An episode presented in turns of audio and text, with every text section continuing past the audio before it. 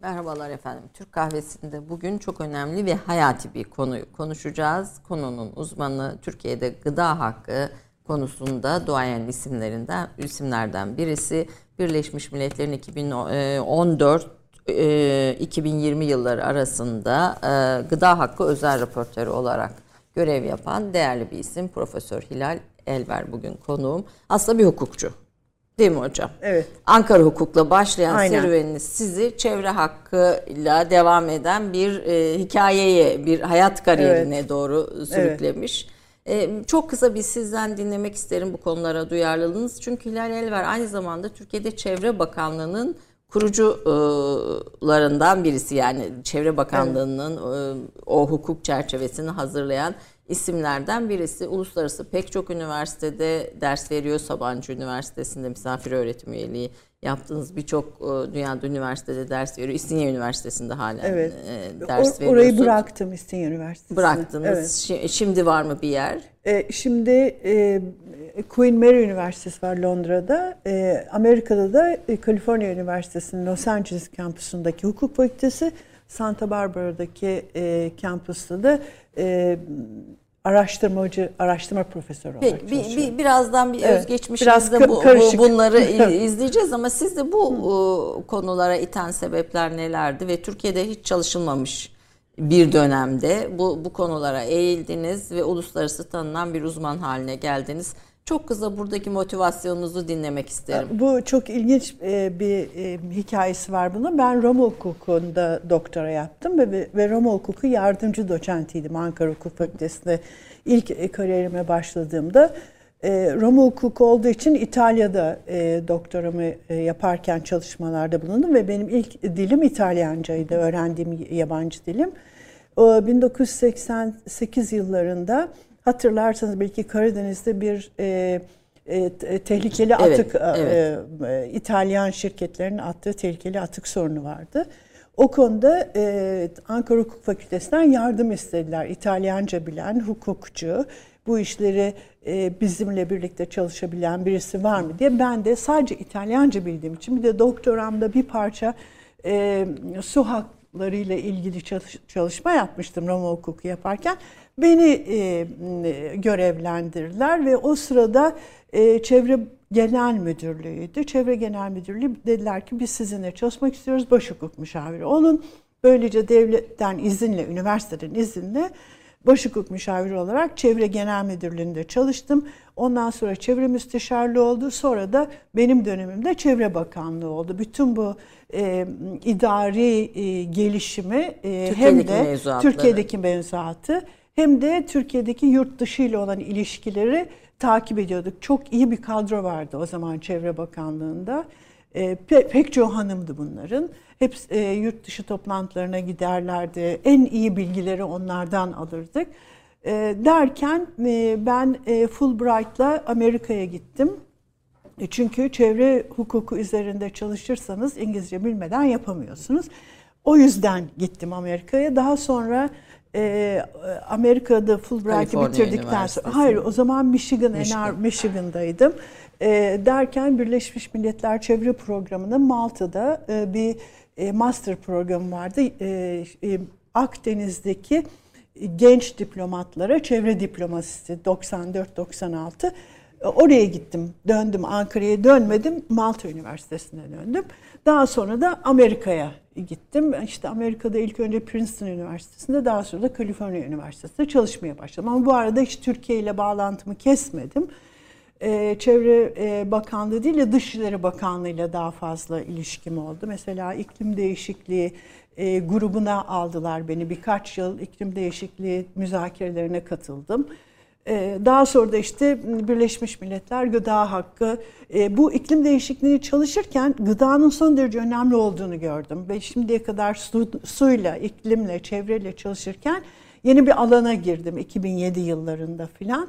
Ee, derken bu görevle birlikte artık e, gıda konusu e, bunların en önemli konularından biri olduğunu düşünerek buraya odaklan. Odaklan. Hikaye Şimdi, bu. E, soracağım Hı. gıda hakkı ne demek? İşte tarım evet. etiği diyorsunuz, gıda demokrasi diyorsunuz. E, bütün bunları tarımı konuşurken ahlak, ekonomik, sosyal değerleri, gelenekçi ve yenilikçi pratikleri, yanlış ve doğru seçimleri Hı. konuşmamız gerekir diyorsunuz ve aslında birçok kavramı da e, kullanıyorsunuz. Fakat bunlar bizim zihnimizde böyle çok da yerine getirmiyor, yerine oturmuyor. Bu programda biraz hem bunları oturtmak hem de tabii hepimizin pandemiyle birlikte ve küresel iklim değişiklikle birlikte merak ettiği soruları sizlere yöneltmek istiyorum. İzleyicilerimizden de soru sormak isteyen olursa sosyal medya üzerinden sorabilirler. Onları da e, bizim Twitter adresimizden onları da sizinle e, paylaşacağım bu süreçte.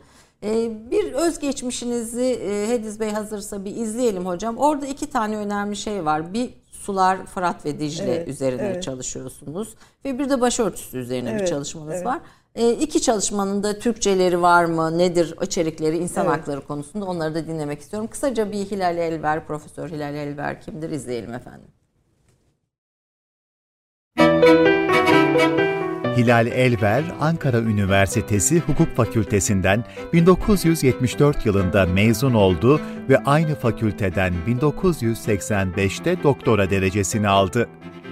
Akademik kariyerine Ankara Üniversitesi Hukuk Fakültesi'nde başlayan Elver, 1994 yılına kadar bu görevde bulundu. Bu dönemde ayrıca Çevre Bakanlığı Kurucu Hukuk Müşavirliği ve daha sonra Başbakanlığa bağlı Kadının Statüsü ve Sorunları Genel Müdürlüğü, Baş Hukuk Müşavirliği ve Genel Müdürlüğü yaptı. 2006'da Kaliforniya Üniversitesi Los Angeles Hukuk Fakültesi'nde Amerikan hukuk sistemi üzerine doktorasını tamamladı. 2010-2014 yılları arasında Türkiye'nin Birleşmiş Milletler İklim Değişikliği Sözleşmesi müzakere ekibinde yer aldı. 2014-2020 yılları arasında Birleşmiş Milletler Gıda Hakkı Özel Raportörü olarak görev yapan Elver, hala 1983 yılından bu yana Princeton ve Kaliforniya üniversiteleri de dahil dünyanın birçok üniversitesinde uluslararası çevre, insan hakları hukuku alanlarında misafir araştırmacı ve profesör olarak çalıştı.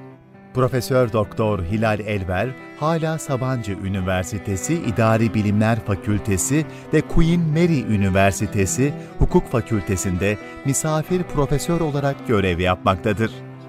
İlk kitabı Çevre Mevzuatı 1993'te, ikinci kitabı Uluslararası Nehirlerin Barışçıl Kullanımı Dicle ve Fırat Havzası 1994 yılında yayımlandı. 5 cilt olarak yayınlanan Uluslararası İnsan Hakları Kritik Perspektif kitabında Richard Falk ve Liza Hajar'la birlikte editör olarak görev aldı. Başörtüsü karşıtlığı, din hürriyeti ve laiklik başlıklı ikinci kitabı 2012'de ve Paul Wapner'le birlikte derlediği İklim Değişikliğini Yeniden Hayal Etmek adlı kitabı 2016 yılında basıldı. Gıda hakkı, sürdürülebilir kalkınma, tarım ve balıkçılık işçileri ve iklim değişikliği konularında çok sayıda Birleşmiş Milletler raporunu hazırladı. Profesör Doktor Hilal Elver ayrıca küresel adalet, kadın hakları, çevresel güvenlik, iklim değişikliği diplomasisi ve gıda hakkı konularında sayısız makale ve kitap bölümüne imza attı. Kahvesinde kıymetli bir konu, Türkiye'nin bu sahada duayen isimlerinden birisini ağırlıyoruz. Ee, şimdi bu CV'de gıda konusunu konuşacağız. Yani kıtlık gelecek evet. mi? Hangi bölgelere gelecek? Dünyadaki açlık sorunu filan. Fakat onun öncesinde uluslararası nehirlerin barışçıl kullanımı Dicle ve Fırat üzerine çalışmanız ve eseriniz kitabınızda var. Türkçe'ye çevrilmedi galiba. Hayır, Türkçe çevrilmedi. Ee, aslında keşke çevrilse ve keşke e, ve hepimiz faydalansak. E, bunu ilginç buldum. E, bu, bu bütün bu jeopolitik e, durum hem dünyanın geleceği açısından çok kısa böyle biraz ona dair bir şey söyler misiniz hocam? E, bu 1990'lı yıllarda aslında bu çok önemlidir. Çünkü bizim GAP projemiz vardı biliyorsunuz evet. hatırlarsanız. E, Türkiye için çok önemli bir projeydi ve ben baş e, baş hukuk müşaviriyken devlet su işleriyle bu konuda çok e, çalışmıştık. O, o yüzden bu konuyu e, iyice araştırmayı ve uluslararası hukuk açısından Türkiye'nin haklarını ve de komşuların haklarını e, görmek açısından böyle bir e, çalışmayı yapmak istedim. Bunu kendi kendime başladım. Ne doktora ne herhangi bir sebebi yoktu bunun için. O zamanlar tabii ki bizim sizin de dediğiniz gibi jeopolitik durum çok farklıydı. Ee, Suriye, Irak ve Türkiye arasında üçlü e, komiteler e, oluyordu. Arada bir e, Suriye çok fazla buna yanaşmıyordu. Bazen Irak yanaşmıyordu. Türkiye e, yüksek e, ülke olduğu için yani e, e, nehirlerin en başında olan ülke olduğu için çok fazla su kullanılmakla e, genelde e, zor durumdaydı uluslararası hukuk açısından. E, o konuyu o yüzden yapmak istedim. Çünkü Orta Doğu aslında su sorunu olan bir ülke. E, Türkiye orada e, su zengini gözükmekle birlikte genel olarak baktığın zaman Türkiye su zengini değil. O yüzden e, bir yanlış anlaşılma olmaması açısından sularımızda ülkeler... bugün durumumuz nedir hocam? Bugün durumumuz çok kötü durumda. Çünkü iklim değişikliği yüzünden şu anda hem Suriye'de hem Irak'ta hem Türkiye'de e, nehirlerin debisi çok e, azaldı, çok düştü. GAP projesinden dolayı sorunlar çıkılacak denildiyse de GAP projesi zaten e, yeteri kadar etkin çalışmadığı için çok fazla bir sorun yarattığını zannetmiyorum. Yani kirlilik açısından. E, ama iklim değişikliği açısından e, bu proje zaten bu projeler 20-30 yıllık projelerdir. Bu Amerika'daki bir projenin benzeri olarak yapılmıştı bu Türkiye'de. Çünkü e, barajların da süreleri, yaşları var. 15-20 yıl sonra e, onlar eskisi kadar etkin olamıyorlar. O yüzden e, eskisi şu anda hem jeopolitik hem iklim değişikliği hem de bu projenin daha eski olması açısından e, Orta Doğu'da bir su sorunu varsa bunun yeniden konuşulması Yeni gerekiyor. verilerle, yeniden Yeni verilerle, küresel iklim evet, değişikliği verileriyle aynen, yeniden, evet, konu, yeniden konuşmak gerekiyor. Onun için o kitap eskidi diyebilirim. Tabii. Tarihsel oldu. Ee, ama konu evet, daha vahim bir konu şekilde masamızda. Aynen. Ee, başörtüsü aynen. konusunda insan hakları çalıştınız evet. zaten ve başörtüsü konusunda bu kitabınız da çevrilmedi evet. herhalde. O, o başörtüsü konusuna şöyle geleyim. Aslında biz e, ben Amerika'ya gittiğim zaman e, Amerikan hukuku üzerine bir doktora yapmak istedim. İkinci bir doktora yapmak istedim. Çünkü orayı da tam anlamak için e, en iyisi dedim ben burada bir üç sene bir doktora yapayım ve konuyu da e, başörtüsü üzerine aldım. Çünkü o zaman zaten çok gündemdeydi. E, Avrupa e, İnsan Hakları Mahkemesi vardı. Türkiye e, başörtüsü aleyhine bir e, karardı. E, o açıdan bu konu e, çok ilgi çekiyordu Amerika'da. Aynı zamanda bu 11 Eylül'den sonra şu anda 11 evet, Eylül evet. 11 Eylül'den sonra bana hep işte Türkiye'deki kadın hakları, İslam'da kadın hakları, laiklik nasıldır, bize bu konuda ders verir misiniz diye çok teklif geldi. E, insan hakları ve kadın haklarını zaten ben Türkiye'de çalışıyordum genel müdürlükte evet. ve başhukuk müşavirliğinde.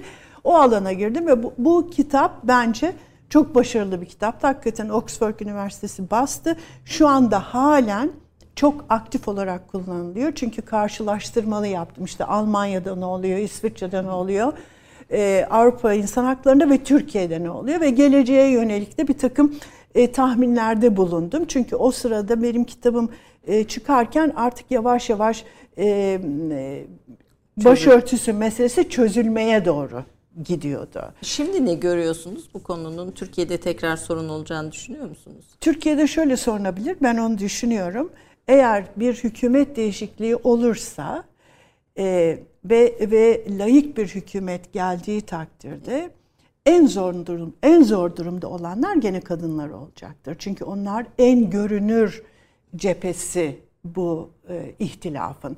Umarım olmaz. Hı. Ama e, kitap sonucunda da öyle bir şeye var, e, o kanaate varmıştım zaten. Acaba bu e, şimdiye kadar alınan haklar e, acaba tekrar geri alınır mı onu bilmiyoruz. Umarım çevrilir kitap. Oxford yayınlarından çıkmış hocamın kitabını. Biz İnşallah. de aslında merak ediyoruz. Türkiye'de çünkü bu işin serencamı sürecek gibi görünüyor yani. Türkiye'de her bu iş bitti dediler bana o zaman. Biz artık bu konuyu biliyoruz. Herkes de biliyor. Sizin kitabınıza gerek yok dendi bana. Halbuki Aynen. ama siz bitmediğini düşünüyorsunuz. Ben bitmedi. Bitmedi zaten. Ondan sonra çok şey değişti. Evet. Avrupa'da değişti. Amerika'da değişti. Türkiye'de de değişti. Evet, herhangi bir evet. değişiklik en çok kadınları Tabii. etkileyecek Tabii. diyorsunuz. Ben Hilal e, Hanım'ın eşi bir Amerikalı Richard Falk çok da tanınmış bir insan hakları savunucusu aynı zamanda. E, Birleşmiş Milletler'in Filistin İnsan Hakları e, raportörü olarak da görev yapmış 2008-2014 yıllarında. Uluslararası Nükleer Silah Karşıtı Hukukçular Birliği kurucularından filan ciddi bir insan hakları savunucusu ve e, bu konularda da çok duyarlı e, özellikle insan hakları konusunda ev evet. galiba böyle bir insan hakları merkezi gibi çalışıyor biraz. Bazen, Kediler de var. bazen farklı görüşlerimiz var tabii. Öyle mi? İhtilafa da düşüyoruz. İhtilafa da düştüğünüz Aynen, oluyor. Evet. Hangi konular daha çok? E, genelde Türkiye politikası ile Amerikan politikası arasında e, ben Türkiye politikası açısından biraz daha olumsuzu da o daha olumlu. Amerikan politikası açısından ben olumluyum, o daha olumsuz. so, bu konuda demek ki... İki, evet. İkinizin tutumları birbirinden evet. farklı. Bu tartışmaları Aynen. dinlemek isteriz ama yani. iki insan hakları savunucusunun bu değerlendirmelerini dinlemek isteriz. Hocam şimdi konu tarım politikaları, gıda hakkı evet e, deyince ne anlamamız gerekiyor? Gıda hakkının insan hakları kapsamına yasal olarak alınması ne demek? Bu niye önemli? E, başlayalım buyurun. Tabii bu çok önemli bir şey. Çok teşekkür ederim her şeyden önce. Çünkü gıda hakkını biraz e, tanıtmamız gerekiyor. Evet. Bir soru birçok konuyu şimdiye kadar tartıştığımız konuyu biliniyor. Ama gıda hakkı maalesef e, gıda güvencesiyle karıştırılıyor. Gıda hakkı aslında ekonomik sosyal hakların en önemli e, grubundan bir tanesi. 1948'deki evrensel insan hakları deklarasyonuyla girmiş. Ondan sonra da 1966 yılında iki tane konvansiyonumuz var. Bir tanesi sivil en politik sivil e, politik haklar, diğeri de diğeri de e, ekonomik haklar. E, Türkiye e, bu konvansiyonun e, özellikle ekonomik sosyal konvansiyonu 2001 yıllarında sanıyorum ya da 2002 şu anda hatırlamıyorum ratifiye etti ve e, e, Türk hukukuna uyarladı. E, uyarladı. Ancak e, bizim anayasamızda e, gıda hakkının e, çok spesifik, kesin bir tanımı yapılmadı. Ama mesela çevre hakkı var. 56. madde çevre ve yaşam hakkı gayet güzel bir hak olarak orada duruyor. Ama bizim maalesef 1960 anayasasında varken Sonra 80 Anayasası'nda çıkarılmış bu gıda hakkı. Ee, olsa ne olur, olmasa ne olur? Arada büyük bir değişiklik olur muydu? Gıda güvencesi açısından e, Türkiye daha mı iyi durumda olurdu? O biraz tartışmalı çünkü onun mutlaka araştırmalarının falan yapılması lazım. Ama gıda hakkı de yani bu bir insan hakkı ise bu hak vatandaşa e, bir e, isteme e, yük e, getiriyor. Hı hı. Devlete de yapma yükümlülüğü getiriyor. Onun için bir yükümlülük. E, hani mesela gıda bankalarına ben karşıyım çünkü gıda bankalarıyla işte açlık önlenebilir diye düşünüyor birçok ülkeler. Amerika'nın en etkin evet. kurumlarından Aynen. Avrupa'da da birçok Aynen öyle. Var. Çünkü onlar gıda hakkını almadıkları, kullanmadıkları için gıda politikalarını ve açlığı gıda bankaları ile yapmaya çalışıyorlar. Ama birçok ülke mesela Latin Amerika ülkesi, Hindistan, Güney Afrika bunların hepsinde gıda hakkı e, şeylerinde var, e, e, anayasalarında var. Anayasalarında olduğu zaman vatandaşın e, e, yargı yollarını e, kullanma hakkı oluyor. Gıda hakkını ihlal dediğimiz şey ne peki? Hı. Mesela ne zaman böyle bir biz bunu e, anayasamıza aldık diyelim. Böyle bir durumda vatandaş bu konuda ne yapacak? Şimdi şurada e, vatandaş bu konuda şunu yap. Bir kere devletin yapması lazım her şeyden önce. Devlet bir şeyler yapacak ki vatandaş ona karşı acaba doğru mu, yanlış mı ya da bu e, hak e, bu Hı. hak ya da bu politikadan bana zarar gelir mi? Ondan sonra konuşacağız. Yani belli bir şekilde e, yasaların olması lazım. E, gıda hakkının korunması derken mesela e, e, toprakların ve suların korunması en başta geliyor. Bir noktada çevre hakkıyla çok yakın aslında. Çünkü yaşamla ilgili bir hak. E, bu durumda eğer gıda hakkı olsaydı diyelim ki şu anda e, açlık sınırına doğru giden bir grup var. Mesela onlar sosyal güvenlikle korunması gereken e, e, ekip olduğu için, grup olduğu için onların e, devlete müracaat etme hakları olabilirdi. Yani Mes- biraz teorik aslında Ama uygulaması da daha çok çok az. Çok az. Yani evet. bu söylediğiniz sayılı ülkelerde evet, Latin Amerika. Sayılı ülkelerde Latin Amerika. Mesela e, Guatemala'da bir e, Kolombiya'da da aynı şekilde e, beslenme yetersizliğinden dolayı e, köylüler e, devlete dava açıyorlar. Hı. Çocuklarımız e, beslenme yetersizliklerinden dolayı çok zor durumda diye. İşte mahkeme bu konuda olumlu karar veriyor. Devlet e, bir bir takım politikalar değiştirmek zorunda kalıyor. Bu mesela en spesifik örneği, örneği bu. bu. Siz Birleşmiş Milletler e, özel gıda e, raportörü olarak görev yaptınız. Peki Birleşmiş Milletler'in o beşlisinde, meşhur evet. beşlisinde durum ne? Yani Şimdi Çin'i biraz ayrı tutmak istiyorum. Çünkü Çin'in durumu farklı. Çin aslında ekonomik sosyal haklara saygılı ama onu da bir devlet politikası olarak ele alıyor. Diğer dört, dörde gelirsek Batı Avrupa ülkeleri ve Amerika Birleşik Devletleri onlar gıda hakkını bir hak olarak kabul etmiyorlar. Bunlar bir politikadır diyorlar. Devletler bu politikaları e, yürütebilirler. Eğer yanlış yürütülmüşse o zaman başka yollarla yani e, gıda hakkı yoksa bir e, adli sisteme girilmiyor diye bir şey yok ama dolaylı yoldan girilir diyor. Şu var yani gıda hakkı dediğin zaman devletin açık seçik olması lazım. Mesela karar mekanizmalarına kişilerin ve de bu gıda sektöründe sözü olan insanların bu politikalara katılmaları lazım. Eğer bunlar yapılıyorsa zaten büyük ölçüde gıda hakkı anayasada olmasa bile korunuyor demektir. Ama bu beşli mesela dörtlü diyeyim çünkü Çin'i bir, ayırıyorum. Birleşmiş Milletler beşlisi. Ee, mesela ne zaman gıda hakkını kullanıyorlar biliyor musunuz? Eğer yabancılara yardım yapılacaksa yabancı ülkelere mesela Afrika'ya ya da Latin Amerika'ya e, bir yardım yapılması söz konusuysa o zaman diyorlar ki o ülkelere sizin gıda hakkınız var mı e, anayasanızda? Eğer varsa biz size bu yardımı yaparız diyorlar ama kendilerinde öyle bir hak. Ya bu çifte standart evet, çifte standart. bunu tabii e, ki. E, evet. doğaya saygılı üretim konusunda evet. da tarım üretimi konusunda Aynen. da yapıyorlar diyorsunuz. Sizden aldığım notlardan birisindeydi. E, agro tarım diyoruz evet. değil mi herhalde? Agroekoloji. Evet. evet. Bu, bu, bunun bunu kendi ülkelerinde uygularken e, diğer e, sömürge eski sömürge topraklarında Tabii. endüstriyel Tabii. E, çok su tüketen, çok maliyetli diğer tarım tekniklerini uyguluyorlar. Evet çünkü endüstriyel tarım çok fazla kar getiren bir tarım ve büyük devletler aynı zamanda büyük tarım ülkeleri. Mesela Rusya da bunun içine giriyor e, Rusya, Amerika, Brezilya, Arjantin. Bunlar Arjantin ve Brezilya daha çok e, e, hayvan yemi konusunda dünyada birinciler. Herkes hayvan yemini onlardan alıyor. E, bu soya dediğimiz. E, e, onlar e, endüstriyel tarımı koruyorlar. Agroekolojiyi e, ancak e, sivil toplum örgütleri, küçük e, gruplar e, ancak yapabiliyorlar ama bu kar amacı gidilerek yapılmıyor. Aslında e, çevre açısından bakarsanız bütün dünyanın agroekolojiye dönmesi lazım bir an evvel. Bu sorunları görüyorsunuz hatırlarsanız evet. şu anda e, karşımıza çıkan sorunlar aslında tarımın çok ciddi bir e, iklim değişikliğini tetikleyici yönü var.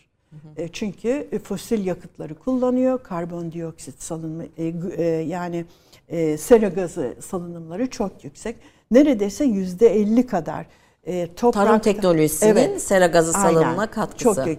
Topraktan e, tabağımıza gelene kadar gelen o büyük gıda zincirini bir düşünürseniz çünkü küresel gıda zincirinde e, e, gıda e, buradan çıkıp bizim evimize gelene kadar e, binlerce mil dolaşıyor. Mesela tavuk örneği veriyorum ben her zaman.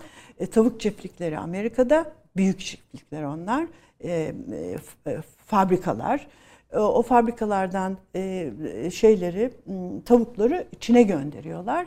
Çin'de proses yapılıyor. Çünkü Çin ucuz yapıyor bunu. Amerika ucuz, ucuz değil. Bazı kısımlarını alıyor Çin. Amerikalıların beğenmeyeceği markete girmeyenleri. Sonra onları geri gönderiyorlar, geri gönderiyorlar. Orada da paketleme yapıyor. Yani bir tavuğu bizim önümüze gelmesi için binlerce milin dolaşması gerekiyor. Bu küresel büyük gıda zinciri. İşte bu zincir Covid'de kırıldı. Kırıldı. E, şimdi evet. Covid Covid sonrasında evet. küresel iklim değişikliğine evet. geleceğiz. Peki bu tabii çok da sorulan bir soru. Kıtlık giderek evet. artıyor evet, mu evet. dünyada açlık ve kıtlık? Hani bunun sebepleri küresel iklimle bağlantılı neler ve nasıl önlenebilir? Hani bu bizi de kuşatan bir şey mi? Bizi de etkileyecek bir şey mi? Reklam arasından sonra hocam bunları tamam. E, dinleyelim Oldu. sizden. Kısa bir reklam arasından sonra buradayız efendim. 30 saniye reklam arası. Türkiye'nin tek haftalık haber dergisi Gerçek Hayat, gündemi yakından takip ettiği dosya ve röportajlarıyla her pazartesi okuyucusuyla satış bayilerinin raflarında buluşuyor. Gerçek Hayat artık sayfalardan dijitale taşıyor. Sayfalara sığmayan yazılar, röportajların perde arkası, interaktif içerikler. Gerçek Hayat artık size daha yakın. Tüm içeriklerden ilk haberdar olmak istiyorum diyenler. Gerçek Hayat, GZT'nin sosyal medya hesaplarına davet ediyor. Reklam arası sona erdi. Efendim Türk Kahvesi'nde İlal Elver konuğum bir hukukçu, e, profesör ve aynı zamanda gıda hakları, insan hakları konusunda uzman birisi. Geçen bölümde konuşurken hocamın başörtüsüyle ilgili yazdığı bir kitap vardı. Türkiye'de bu sorun bitti mi, biter mi diye konuşurken e, hocam e, laik bir e, iktidar değişirse, laik bir iktidar gelirse dedi ama ona e, bir, bir düzeltme gelmiş bir hukukçu e, izleyicimizden. E, hocam orada Amerikan hukuk ve Fransız hukuku farkını e, söyledi herhalde. Hocam bir onu izah Tabii, edelim. E, iyi oldu çünkü zaten ben kitapta bunun tartışmasını da yapıyorum e, laiklik e, kavramı e, çok farklı biliyorsunuz. Fransız laikliği son derece rigid yani e, hiçbir şekilde dinle devlet e, e, bir araya getirmeyen ve de neredeyse e, her türlü dine karşı bir e, devlet sistemini savunan. Biraz Bizim, Katolikliğin ha, şeyi de var, aynen, etkisi tabii, var çünkü orada. Katolik tabii. şeyine karşı, e, Katolik kilisesinin kuvvetine karşı yapılmış bir hareket. Hukuksal, evet. Evet, hukuksal evet. bir hareket. Biz de o dönemde Osmanlı'nın bitişi, Türkiye Cumhuriyeti'nin başlangıcında e, aynı zihniyeti orada da gördük. Çünkü orada da e, İslam'a karşı e, e, Osmanlı'nın e, kötü durumuna düşmesinin bir sebebi de İslam olarak görüldüğü için e, bunun sebepleri doğrudur, yanlıştır bunu tartışmıyoruz. Ama e, dine e, biraz e, fazla da dost olmayan bir laisiteyi Fransız sisteminden almışız. Ama şimdi Amerikan sistemine bakarsanız oradaki sekülerizm diyorlar zaten Hı. laiklik demiyorlar. Amerikan sekülerizmi aslında bütün e, her dine e, eşit uzaklıkta Hı. ama dinin de politikayla bir arada götürüldüğü e, bir sistem. Mesela e, parlamentonun açısının açılışında dua ediliyor. İncil'in. İşte e, e, yüksek mahkeme yargıçların yemininde e, İncil ya da hangi e, dine, inanır. din, dine inanırsa onun kitabına el basılıyor. Böyle bir şeyler e, Amerika'da son derece normal ve sekülerizmin bir parçası olarak. Şimdi buradaki fark orada ben Türkiye Türkçe açısından Türkiye açısından düşününce rahatlıkla bunu söylüyorum. Ama tabii o zaman düşünmek lazım. Ee, Türk Anayasası'na göre Laiklik zaten nasıl anayasal bir şey evet, ee, evet, ve bugün hükümet de layık sonuçta. Kim olsa evet yani buna eğer değiştirmediğin sürece ve de değiştirilmeyen maddelerden Sadece bakışı göre, ve yorumu diyelim. Aynen. Hükümetin bakışı ve yorumu Aynen. değişirse bu konu Tabii. tekrar başörtüsü Türkiye'de Gelebilir. sorun olabilir Kesin. diyorsunuz. Evet. Evet. kökleri itibariyle. Peki gıda hakkı en temel insan haklarından bir e, biri Hı. olması olmasına rağmen en çok da ihlal edilen evet. hak diyorsunuz. Bunun sebeplerini neye bağlıyorsunuz? Çünkü gıda hakkı pek anlaşılamadı. Ee, eğer bakarsanız bir e, yasal e, sözleşmelere e, son derece geniş bir tanımı yapılmış ama bu tanımın politikaya geçirilmesinde epey uzun zaman e, uzun zaman aldı. Hatta ülkeler bu konuda şikayette bulununca 1999'da bir tane e, regülasyon çıktı İnsan Hakları Komisyonu e, tarafından. Bunları açıkça anlatmaya çalıştı. Yani gıda hakkı nedir? Gıda hakkında işte devletin sorumluluğu vardır. Kişiler bir hak olarak e, bunu savunurlar. Hiçbir zaman bu bir e, e, sadaka gibi değildir. Yani verilirse verilir, verilmezse verilmez diye değil. Onun için politikaların kesin olması gerekir, açık olması gerekir ve de ilk önce e, en zor durumda olanların korunması gerekir. Gıda hakkının en önemli konusu bu.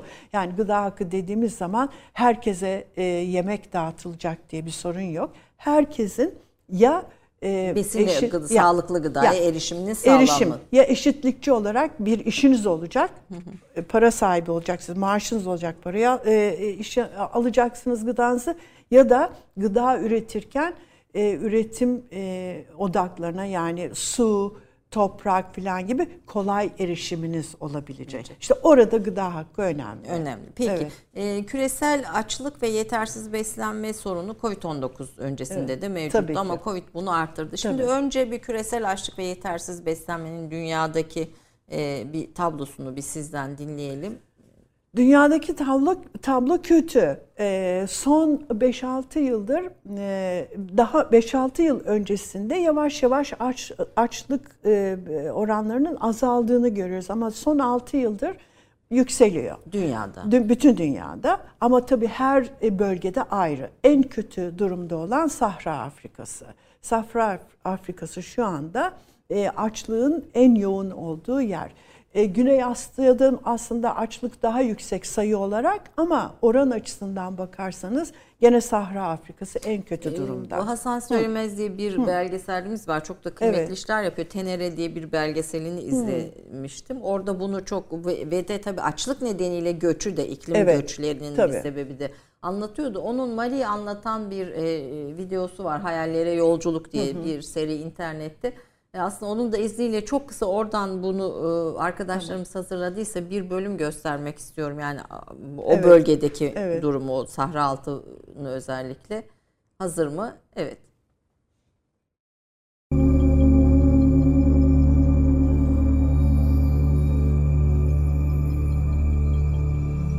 Cemre'den ayrıldıktan sonra bu defa Bancigara platosundaki köylerde yaşayan Dogon kabilesini görmeye gidiyorum.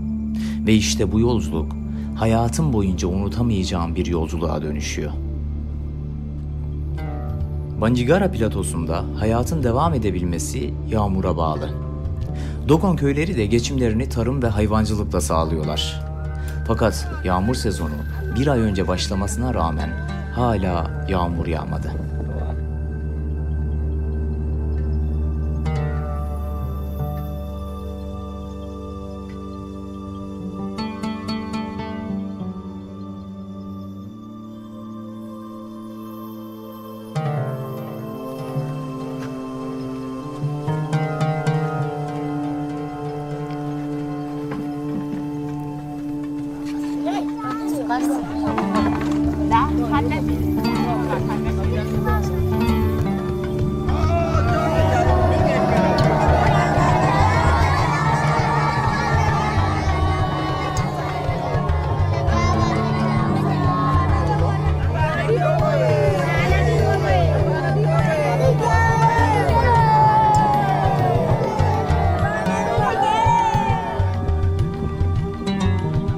emme yuwala o yuwali e yuwala yu toygo to ya ano yelele. Yuwala tol ya ana yelele gona emma amba amba kulli jengo gele. Maga amba la kide emme tagbe je ko amba ko la kide emme tagbe je ko Bunun uzun bölümü de YouTube'da var. Evet, ben Ee, onu seyredim. Evet çok şey yani tabloyu gösteriyor. Tam Evet, sizin anlattıklarınızı veriyor. En kötü durumda olanlar bu bölgeler. Evet, bu bölgeler. Ve ben açlık- Afrika'da epey dolaştım. E, mesela Zimbabwe e, açlık var orada ama böyle bir sorun yok. Çünkü onların şeyleri daha iyi durumda. Suları var, toprakları var ama politik nedenlerden dolayı. Durum herkeste Evet. de durum fark Evet. ediyor. Burada erkek hiç yok. Çok Evet. az ya da. Hep böyle. Zaten köylere gidiyorsunuz çocuklar ve kadınlar. E, erkekler yollarda İşte Avrupa'ya gitmeye çalışıyorlar. Bütün hepsi ya Kuzey e, e, Afrika'da bekleşiyorlar ya da işte Akdeniz'de telefon ölüyorlar. e, Gemilerle ulaşmaya çalışıyor. E, Ya da e, Avrupa'ya çıktıkları zaman bir köle halinde çalışıyorlar. Köle işçiler. İtalya'ya gittim de ben o köle işçileri gördüm. İlk önce Zimbabwe'ye gittim. E, çünkü bizim misyon seyahatlerimiz var. Orada e, bir açlık kesinlikle vardı ama onun açlığın sebebi e, ekonomik e, şey e, sanction diyeceğim. Unutuyorum onun Türkçesini. Ekonomik e, sebepler değil. Hayır. E, Amerikalılar ve e, Avrupa topluluğu e, şey yapıyor. E, bütün e, ekonomik e, yönetimini. Tamam peki hocam an. bakarız bakarız. E, ama ciddi bir konu. Evet. E, çünkü e, herkes, bütün ülkeler bundan şikayetçi. Zimbabwe'de bir açlık sorunu var. Bu sorunun sebebi jeopolitik. Hı hı. Ama buradaki sorun son derece ekonomik ve çevre sorunu nedeniyle. Ha diyeceksiniz Yaptırım. ki... Ha tamam. Uluslararası Ek, evet, ekonomik yaptırım. Tamam e, bazı ülkelere uyguluyorlar biliyorsunuz. Evet, evet, evet, evet. İran'a ambargolar, ha, ambargolar. Ambargo, aynen ekonomik ambargo yüzünden e, Zimbabwe çok kötü durumda. E, bunu ben e, Birleşmiş Milletler raporunda yazdığımda çok e, büyük negatif etki aldım. Çünkü e, Amerika Birleşik Devletleri hiç hoşlanmadı bundan. Avrupa topluluğu da hoşlanmadı ama ger- gerçeği bu. işin gerçeği bu. Buradaki insanların çoğu, erkeklerin çoğu şu anda İtalya'da, İspanya'da, Fransa'da tarım işçisi olarak çalışıyorlar. Oradaki e, şartları görseniz inanamazsınız. E, Afrika daha iyi durumda. Afrika'da kalsalardı eğer e, iyi yerlerde İnsan hakları açısından. İnsan hakları için, yaşam, yaşam şartları açısından öyle. Ha, burada da mesela niye yağmur suyu, e, yağmur sadece, tarım sadece yağmurla yapılmaz. Acaba gerekli teknik bilgileri var mı? E, buraya bir yardım geliyor mu? İşte yeraltı sularını kullanabiliyorlar mı? Bunların hepsi e, ekonomik açıdan e, bir takım e, pro, e, sorunların çözülmesi beraberinde gerekiyor. getiriyor. Evet. E, açlıktan kıtlığa doğru açlığın e, açlık ayrı bir şey, kıtlık daha farklı evet. farklı bir şey. E, burada kıtlık derken bunun daha geniş hale gelmesinden söz ediyoruz, değil mi Şöyle hocam? Şöyle bakın e, beş e, şeyi var, e, ölçü, ölçeği var e, FAO'ya göre, Dünya e, Gıda Tarım Örgütü'ne göre. E, bu ilk ikisi işte gıda güvencesizliği olabiliyor ama çok önemli değil, devamlı değil. E, üçüncüsü yavaş yavaş acil e, en, önlemlere geçiyor. Dördüncüsü e, aşırı e, e, yardım gerektiren. Beşincisi de kıtlık. Kıtlık olduğu zaman insanlar açlıktan ölmeleri lazım. Onların da belli bir e, işte yüzde bilmem kaç şu anda hatırlamıyorum. belli bir oranı var. O oranda bir e, açlıktan dolayı ölüm varsa Birleşmiş Milletler orayı e, kıtlık e, bölgesi olarak ilan ediyor. İşte Yemen'de, Güney Sudan'da, e, daha önce Somali'de, e, Kuzey e, Nijerya'da bunlar hep e, şu anda mevcut. Afganistan'da 130, da 138, oluyor. 132 milyon kişinin kıtlık tehlikesine evet. maruz kaldığını yazmışsınız. Covid sonrası bu rakamın ikiye İki kat. Evet, 264. Iki katı, 264 ee, Covid milyon. nasıl etkiledi bütün bu mevcut durumu? Şimdi Covid şöyle etkiledi. Bir, e, buradaki dedik ya erkekler e, yoklar bu köylerde. E, Avrupa'ya gittiler. Onlar Avrupa tarım işçisi. Onlar işçilerini kaybettiler. İşlerini kaybettikleri için paraları geri gönderemiyorlar. Bir, bir en en güzel örneği bu. Paralar geri gelmiyor. Oradaki e, kişiler ya da tarım yapan e, e, küçük çiftçiler e, satı e, pazarı kaybettiler. Artık pazar yok. Mesela diyelim ki Ken, Kenya meşhur bir yer e, bütün çiçeklerini Avrupa'ya gönderiyor her gün. Bu kesildi. E, pazar yok. Hiçbir uçak gelmiyor. Oradaki işçiler e, mallarını hiçbir yere satamıyorlar. Yani bu hem işçilerin işini kaybetmesi hem çiftçilerin ürünlerini satamaması nedeniyle ortaya çıkıyor. Hem de göçmen işçilerin ülkelerine para gönderememeleri açısından. %8 evet. Covid sonrası dünyada yoksullaşmanın evet. artacağını söylüyorsunuz. Dünya Bankası Dünya Bankası rakamı. verilerine evet, göre evet. %8 daha evet. yo, yoksullaşacak. Ee, bu biraz da hani bu Covid'in pozitif tarafları da var. Yani nasıl etkiledi Covid aslında bütün bu gıda e, konusunu, küresel iklim değişikliğini? Buyurun. E, şimdi şöyle aslında gıda ve küresel iklim değişikliği açısından çok büyük sorunlar vardı. Bu, sorunlar, bu sorunların hepsi duruyordu yerinde. Ama e, Covid ile birlikte e, inanılmaz bir aşırı etki görüyoruz. Hatta kortizon yapılmış gibi birdenbire yükselen bir e, sorunla karşı karşıya geliyoruz. Şöyle e, bir kere küresel gıda zinciri koptu. Neden biz dışa bağımlıyız diye düşünmeye başladı ülkeler. Çünkü itha, e, ithalat yapamıyorlar, dışarıdan mal alamıyorlar. İthalat yapan ülkelerde biz önce kendimizi e, düşünelim derken fiyatları yükseldiler, kotaları azalttılar. Öyle de bir sorun oldu. Şimdi orada bir fiyat yükselmesi oldu. Bir o. İkincisi dediğim gibi e, e, tüm dünya çapında gıda fiyatları yükseldi. Ay, yükseldi. İşçiler çok zor durumda kaldı. İşçiler parasız kaldı. Yaklaşık Evlerine ciddi bir oranda %50'ye yakın evet. bir e, kayıt işini kaybeden evet. insandan söz ediyoruz. Ve Hindistan en zor durumda olandı Hindistan işi. Çünkü bir gün içinde dediler ki burası kapandı hadi gidin evlerinize. İnsanlar sokaklarda kaldı. Gidecek yerleri yoktu. Çünkü Hindistan büyük bir ülke biliyorsunuz. Bir evet. yerden bir yere gitmesi son derece zor. Ee, bir de yerel gıdanın önemini anladık. Biz. Çünkü pozitif tarafı da pozitif oldu. Pozitif tarafı o. Mesela ne dedik? Aa tamam bizim pazarlarımıza bakıyoruz. Siz burada e, açlık çekmediniz. Gıda sorunu da çekmediniz. Çünkü işte süpermarketlerde birkaç gün belki bir azalma olduysa da işte yerel e, gıda üreticilerinin hala devam etmeleriyle Türkiye'de ciddi bir e, açlık sorunu olmadı. Şöyle olmadı yani Türkiye'de ciddi bir gıda sorunu olmadıysa da ciddi bir açlık sorunu oldu. Türkiye'de günlük yaşayan hı hı.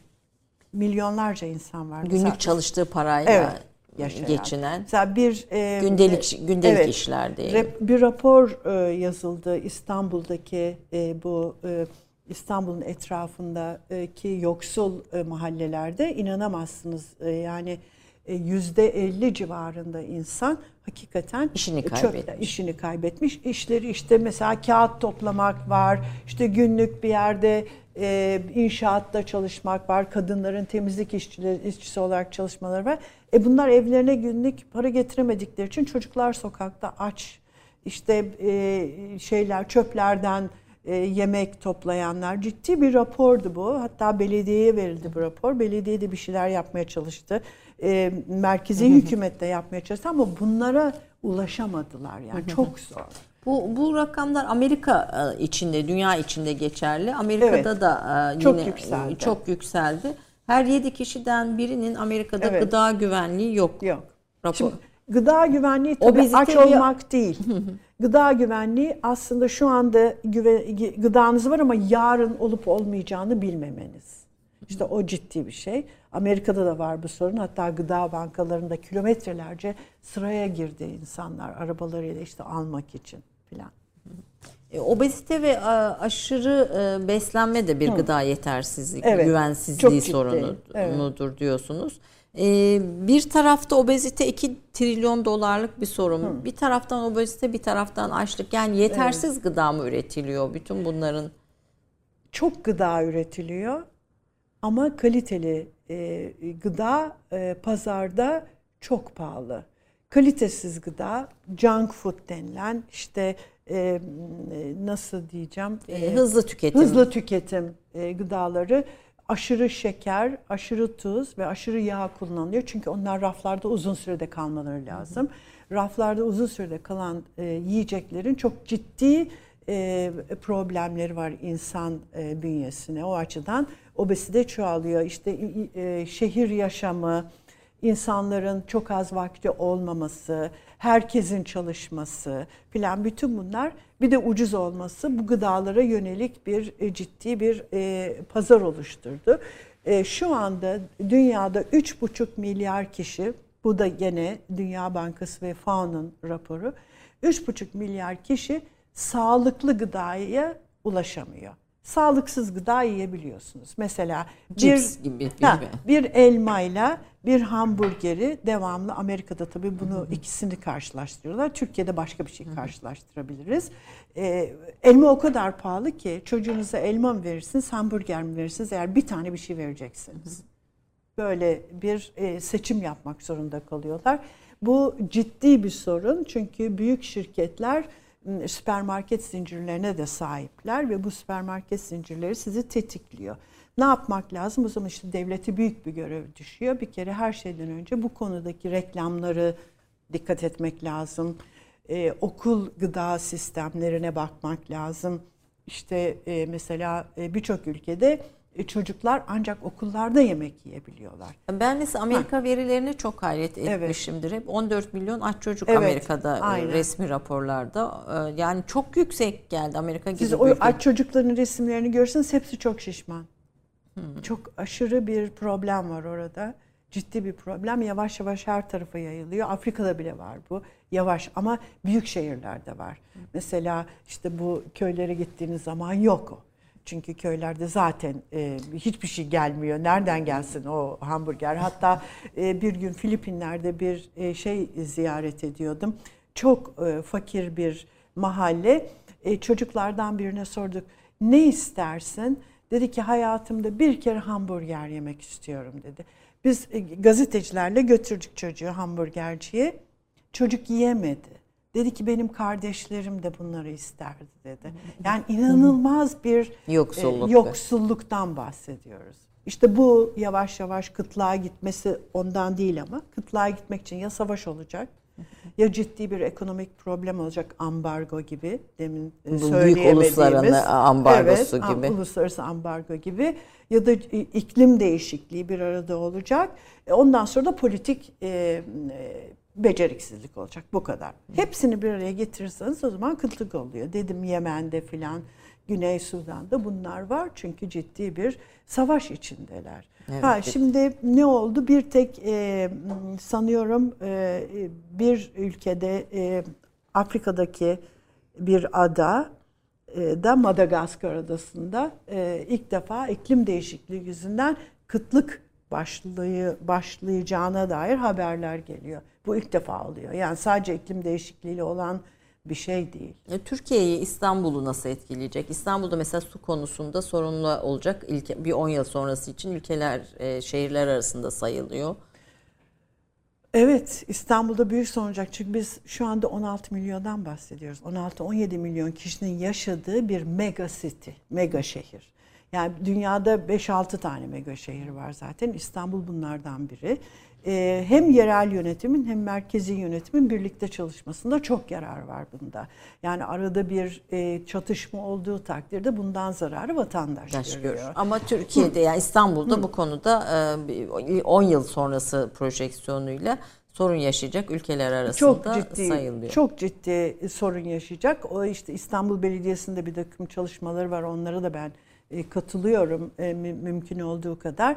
Bir gıda stratejisi hazırlanıyor, oluşturuluyor. Ama bunun bence biraz daha merkeziyle birlikte olmasında Aslında, yarar evet. var. Çünkü e, e, görev alanları e, birbirine çakışıyor. Çakışıyor, iç içe evet, geçmiş evet, durumda. Evet. Endüstriyel tarım daha verimli söylemi bir aldatmaca Hı. diyorsunuz. Ee, evet. Yani e, yetersiz beslenmenin iki yüzü açlık ve obezite. Hı. Bu konuda hani söyleyeceklerimizi Hı. daha detaylı evet. röportajlarda izah ediyorsunuz ama biz hani ikisine de dikkat çekmemiz e, yeterli. Ee, bir notlarınızdan bir şey daha var. Orta Doğu bölgesinde giderek açlığın yükseldiği ülkeler, evet. E, bölgeler evet. arasına giriyor. Batı Sahra, Afrika ve Güney Asya'dan. Evet maalesef. Suriye, Irak, e, Afganistan'ı da oraya katıyorum. Katıyorsunuz. E, Yemen, buraya çok ciddi. bu açılın evet, yükseldiği evet, ülkeler evet, arasına evet. giriyor. Tabii Yemen'de su sorunu da çok büyük bir evet. sorun yani. E, bir de şu var Yemen'de zaten savaş olmadan önce yüzde 90 e, gıda dışarıdan geliyordu Yemen'e. İçinde üretilemiyordu evet, zaten. Evet, üretilemiyordu. Daha önce sorunlar başlamıştı. Hep öyle oluyor. Sorunlar başlıyor, ondan sonra yeni bir sorun daha geliyor. O yeni bir sorundan sonra yeni bir sorun hepsi bir araya gelemiyor. Mesela Covid'den sonra biz yangınlar, sel baskınları hep bir arada gördük. O zaman Türkiye'de bile iklim değişikliğini düşünmeye başladılar. Yani birden fazla felaketin bir araya gelmesi e, ciddi bir sorun yaratıyor tabii. Endüstriyel tarım daha verimli söylemi bir aldatmaca. Yani burada ulusların iki seçenek arasında kaldığını söylüyorsunuz. Yani açlığı ve gıda e, bolluğunu sağlamak için endüstriyel tarımın, teknolojilerin işte büyük avantajlarından söz ediliyor. Büyük yatırımlar, dev çiftlikler filan. Ama siz buna karşı bir e, duruşunuz var. Neden hocam bunu Şimdi izah şöyle, edelim. E, endüstriyel tarım aslında çok uzun dönemli, e, çok fazla e, verim getirmiyor. Kısa dönemde çok verimli. Ona söylenecek hiçbir şey yani yok. Sadece tarım değil, hayvancılık için Hayvancılık de söylüyorum. için de aynı şekilde. Yani çok aşırı bir şekilde endüstriyel fabrikasyon modele girdiğiniz zaman e, bir kere aşırı kimyasal kullanmak zorundasınız. Hem hayvanlarda da aynı şekilde aşırı bir antibiyotik kullanılması lazım. Çünkü bir hastalık gelirse hepsi bir arada daracık bir yerde kalıyorlar. Belki Türkiye'de daha o hal yok hayvancılık açısından bilmiyorum.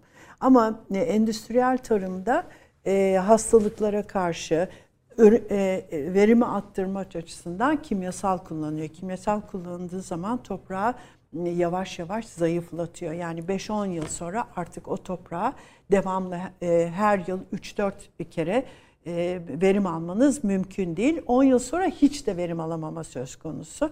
Böyle ciddi sorunlar var. Kimyasalı çok kullandığınız zaman artık etkisi kalmıyor. Çünkü ekosistem onu e, fark ediyor ve ona karşı savaşa başlıyor. Bir takım otlar birikiyor falan. Yani Amerika Birleşik Devletleri'nde oldu, Amerika'da oldu, Arjantin'de oldu.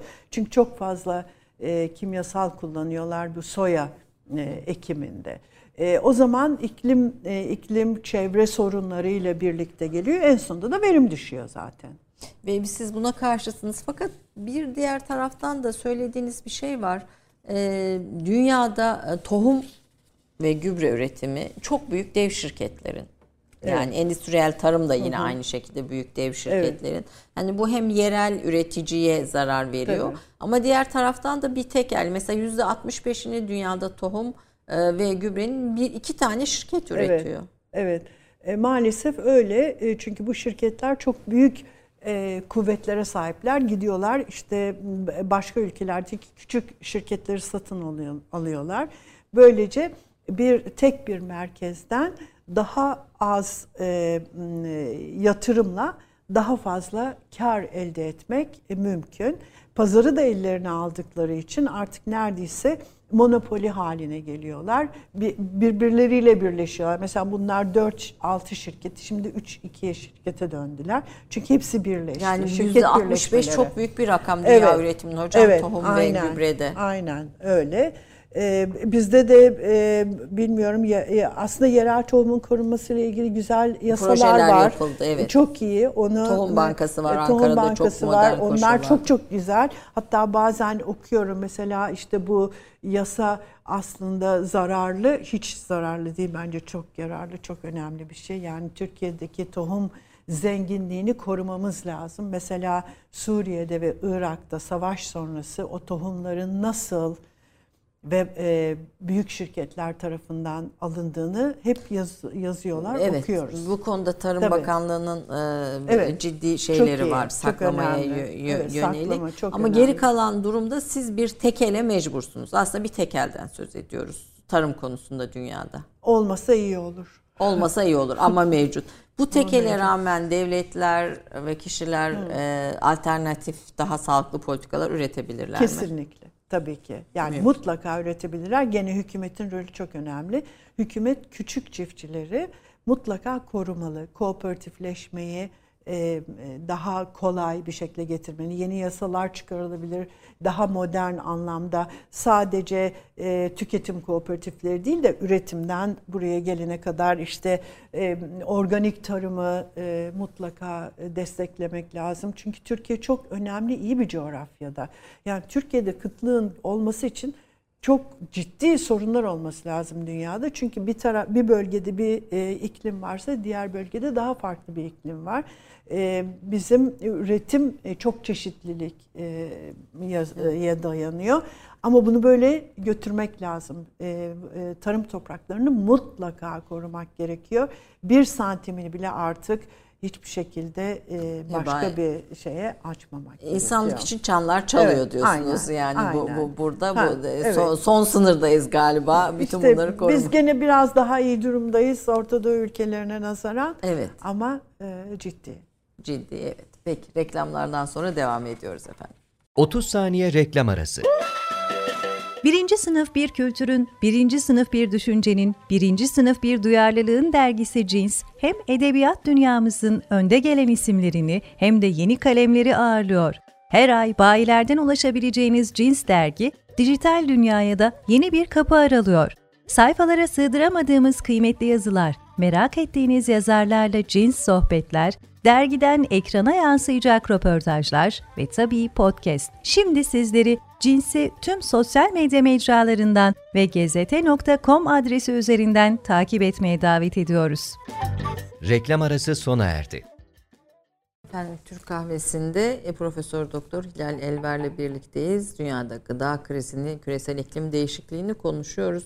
2021 yılı gıda krizine karşı küresel network raporunda aşırı açlığın 2020 yılına nazaran 20 milyon çok yüksek bir rakam hocam artarak çoğunluğu Afrika'da 55 ülkede 155 milyona ulaştığını 5 yaşın altındaki 16 milyon çocuğun ise ölüm sava kalım savaşı verdiğini gösteriyor bu rapora göre işte e, Afganistan, Demokratik Kongre Cumhuriyeti, Sudan, Yemen sizin söylediğiniz gibi bunlar bu şeyin içinde. Bu dünyanın geleceğini nasıl etkileyecek? Yani bu açlık dediğimiz şey ki 5 yaşın altında çocukların gelişme çağında e, nasıl bir e, size tehlike e, işareti veriyor aynı zamanda? Yani ölümler ama diğer taraftan sa- sağlıklı büyümemenin evet. olmaması da toplumun sağlığını nasıl Tabii, etkileyecek? Son derece önemli çünkü e, bu e, gelecek nesillerin de yok olmasına sebep olacak. Yani bu tür e, buradaki şu anda çok acil durumda olan ülkelere ciddi bir yardımın derhal yapılması lazım Birleşmiş Milletler tarafından. Peki buna dair Birleşmiş Milletler'in var mı bir şeyi? Tabii Dünya e, World Food Program dediğimiz Dünya Gıda Programı e, bu konuda çok e, etkin çalışıyor. Dünya Gıda Pro, e, Programı'nın esas görevi e, krizde olan yerlere gitmesi. Etkin buluyor musunuz Hı. Birleşmiş Milletleri hocam bu süreçlerde? Bazı yerleri etkin, bazıları değil. Birleşmiş Mesela? Milletler çok biliyorsun büyük bir e, yapı. E, yapı. Mesela e, e, bu e, Dünya World Food Program, Dünya Gıda Programı başarılı. Neden? O da genelde kişilere bağlı oluyor. Bu, şimdi bu, bu insanları ben tanıdıkça hı hı. E, anlıyorum. Sadece e, e, şeyler değil, organlar, kurumlar değil, aslında o kurumların başındaki insanların kişisel başarıları da son derece önemli. E, bu e, Amerikalı zaten hep Amerikalıdır bu grup çünkü e, Amerikan hükümeti yüzde 90 bütçesini verir bunun hı hı. ve Afrika'daki bütün e, yıllardır 1900 e, İkinci Dünya Savaşı'ndan beri e, açlıkla mücadele eden bu organizasyondur. Çünkü biraz tabii orada Amerikan politikasının da şeyi vardır. Bir, e, soğuk savaşta e, kendilerine daha yakın, yakın ülke. ülke bulmak isterler. İkincisi de e, Amerika'da e, şey fazlası, üretim fazlası, milyonlarca ton e, kendi çiftçi e, çiftçilerine yardım etmek için onları satın alıp burada e, Afrika ülkelerine ve Latin Amerika ülkelerine gönderirler. Bu enteresan bir şey. Hatta gönderirken de sadece Amerikan e, şeylerini kullanırlar, ulaşım vasıtalarını. Onun için dünya kadar para verirler buna. Yani bir yer mesela gidip Afrika'dan e, başka bir yerden almak ya da daha yakın bir yerden almak yerine kendi üreticisinden, kendi taşıyıcısından alıp onları da büyük bir para verip bu işi politik olarak hallederler. Ama sonuç olarak insanlar da yardım e, insanlara da yardım ediyor. Bu ilginç bir şey. O konuda ben bir araştırma yaptım. Nasıl oluyor acaba? Niye Amerika Birleşik Devletleri bu kadar büyük bir yardım yapıyor? Oradan anladınız ki bunun bir de yerel e, politikaya Katkısı mutlaka var. ayağı var. Evet öyle. Şimdi bunun başındaki e, David Beasley Trump tarafından e, seçildi. Zaten Amerika Birleşik Devletleri'nde başkan kim seçirse ilk önce onu değiştirir. Çünkü bunun önemli bir görevi var dünyada. Ama bu adamı değiştirmediler. Çünkü bu adam müthiş bir şekilde e, bu işe gönlünü vermiş bir adam. Aşırı e, dinci, e, katolik hatta evangelical dediğimiz ama bunu e, bu kendi inançlarını e, insanlara yardım etmekle de birleştirmiş. Müthiş e, aktif. O yüzden işte o yüzden de zaten şeyi aldı. Nobel Barış Ödülünü aldılar. E, Biden da bunu değiştirmedi. E, aynı şekilde devam ediyor. Yani orada mesela bu e, organizasyon gayet iyi iş yapıyor. Ama FAO'nun görevi başka. FAO daha genel büyük politikalar yapıyor. Ee, onun için e, acil önlemlerle ilgilenmiyor. Acil önlemlerin yapıldığı yer burası. FAO'nun müthiş bir bilgi kaynağı olduğunu gördüm ben. Hakikaten öyle. Bütün dünyadan 2021 evet. Nobel Barış Ödülünü alan burası. Evet, orası. Evet. Dünya e, Gıda e, şey organizasyonu. E, FAO aslında FAO biraz e, şey oldu. Biz yıllardır çalışıyoruz. İşte Dünya Gıda Programı son 5 yıldır kıtlık nedeniyle aldı diye bir politik bir konuşma tartışma bir kıskançlık da oldu. Çünkü e, Birleşmiş Milletler'in kurumları da aynı bizim kendi kurumlarımızda olduğu gibi çekişmeler, çekişmeler kıskançlıklar. Kıskançlıklar, işte liderler arasındaki e, e, iyi e, ilişkiler ya da kötü ilişkiler dünyada devam bunu ediyor. devam ediyor aynı şekilde. E, FAO'nun müthiş bir bilgi kaynağı var, müthiş bir organizasyonu var dünyanın her tarafında. Ben nereye gitsem ilk önce bulduğum işte FAO'daki insanlar, e, onların uzmanları her şeyi biliyorlar. Ama onların çok fazla büyük bütçeleri yok. Asıl bütçe burada. Asıl bütçe burada. Evet. İşte bunu bu bütçede örnek... Amerika'nın %90'ını finanse ettiği evet. bütçe ve o da bunu kendi politik amaçları çerçevesinde evet. hem iç hem evet. dış evet. E, çok rahat evet. kullanıyor ve evet. bir savaş stratejisine de dönüşebiliyor. Olabilir tabii. Olabilir. De devam ediyor. Ee, bir 400 bilim adamın hazırladığı Tarımın Yol Ayrımında isimli bir küresel rapordan söz ediyorsunuz. İhracatı teşvik eden yanlış politikalar, Hı dan söz ediyorsunuz. Üretim odaklı teknolojiyi tek çözüm gören yaklaşımın evet. değişmesi gerektiğini söylüyorsunuz. Bu tarımın yol ayrımında derken yani daha yerele dönmek mi Hı. tüm burada? Bu işte iki... yani küresel iklim değişikliğiyle olması gereken endüstriyel tarımın yerine daha yerele dönüş mü? Evet bu 2009 yılında yazılmış bir rapor. Yani çok yeni bir rapor Hı. değil. E, ama e, gene FAO tarafından hazırlanmış. E, Dünya e, Gıda Örgütü tarafından. 400 e, bilim adamı bir araya getirmiş. Hatta Dünya Bankası da bunun içindeydi. En son ayrıldı. Çünkü Dünya Bankası e, endüstri, e, daha büyük şirketler yanlısı o zamanlar daha fazla e, kapitalizm yanlısıydı. Sevmediler bunu. Son dakikada ayrıldılar bu rapordan.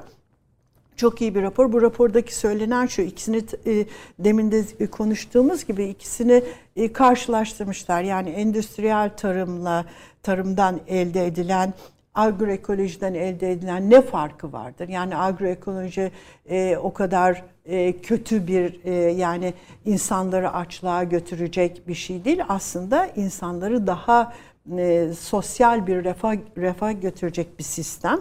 Çünkü agroekoloji sadece üretime bakmıyor. O e, üretimin kimler tarafından yaptığını, yerel halk. Yerel halkta da herkesin bir arada karar verdiği daha demokratik bir sistemi getiriyor. O açıdan uzun dönemli, son derece önemli agro, agroekoloji. Ama diyeceksiniz ki sonuç olarak büyük e, e, bilimsel bütçeler nereye gidiyor?